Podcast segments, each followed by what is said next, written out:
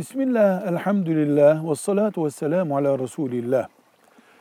Evlat, özellikle de erkek evlat kastediyoruz.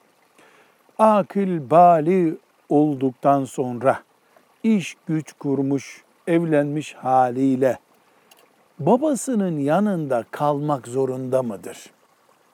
Umumiyetle Anadolu kültüründe herkes yetiştirdiği evladın emri altında kalmasını isterdi. Böyle bir kültürle bu topraklarda hayat süre geldi. Evlat mesela Anadolu'daki kasabada değil de İstanbul'da iş kurmak istiyor. Baba ve anne de ayrılmamalarını, yanlarında kalmasını istiyor. Ne yapacak evlat?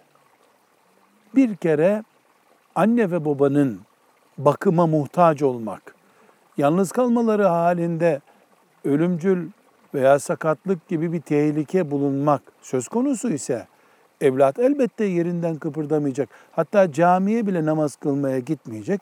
Anne ve babasının hizmetinde bulunacak. Hayır, öyle bir durum söz konusu değilse ashab-ı kiramın döneminde evlendiği zaman çocuklar kadınsa zaten kocasının evine giderdi. Erkekse de ona bir ev kurulurdu. Babanın yanında evli erkeği saklamak yani gelinli bir evde çocuğun yaşaması mecburiyeti ashab-ı kiram döneminde yoktur. Bunun sonucu şudur. Akil, bali, annesinin babasının özel bir sorunu olmayan insan evini kurup hayatını müstakil sürdürebilir. Anne ve babasının da gönlünü kırmayacak bir tarz kendisine bulur. Velhamdülillahi Rabbil Alemin.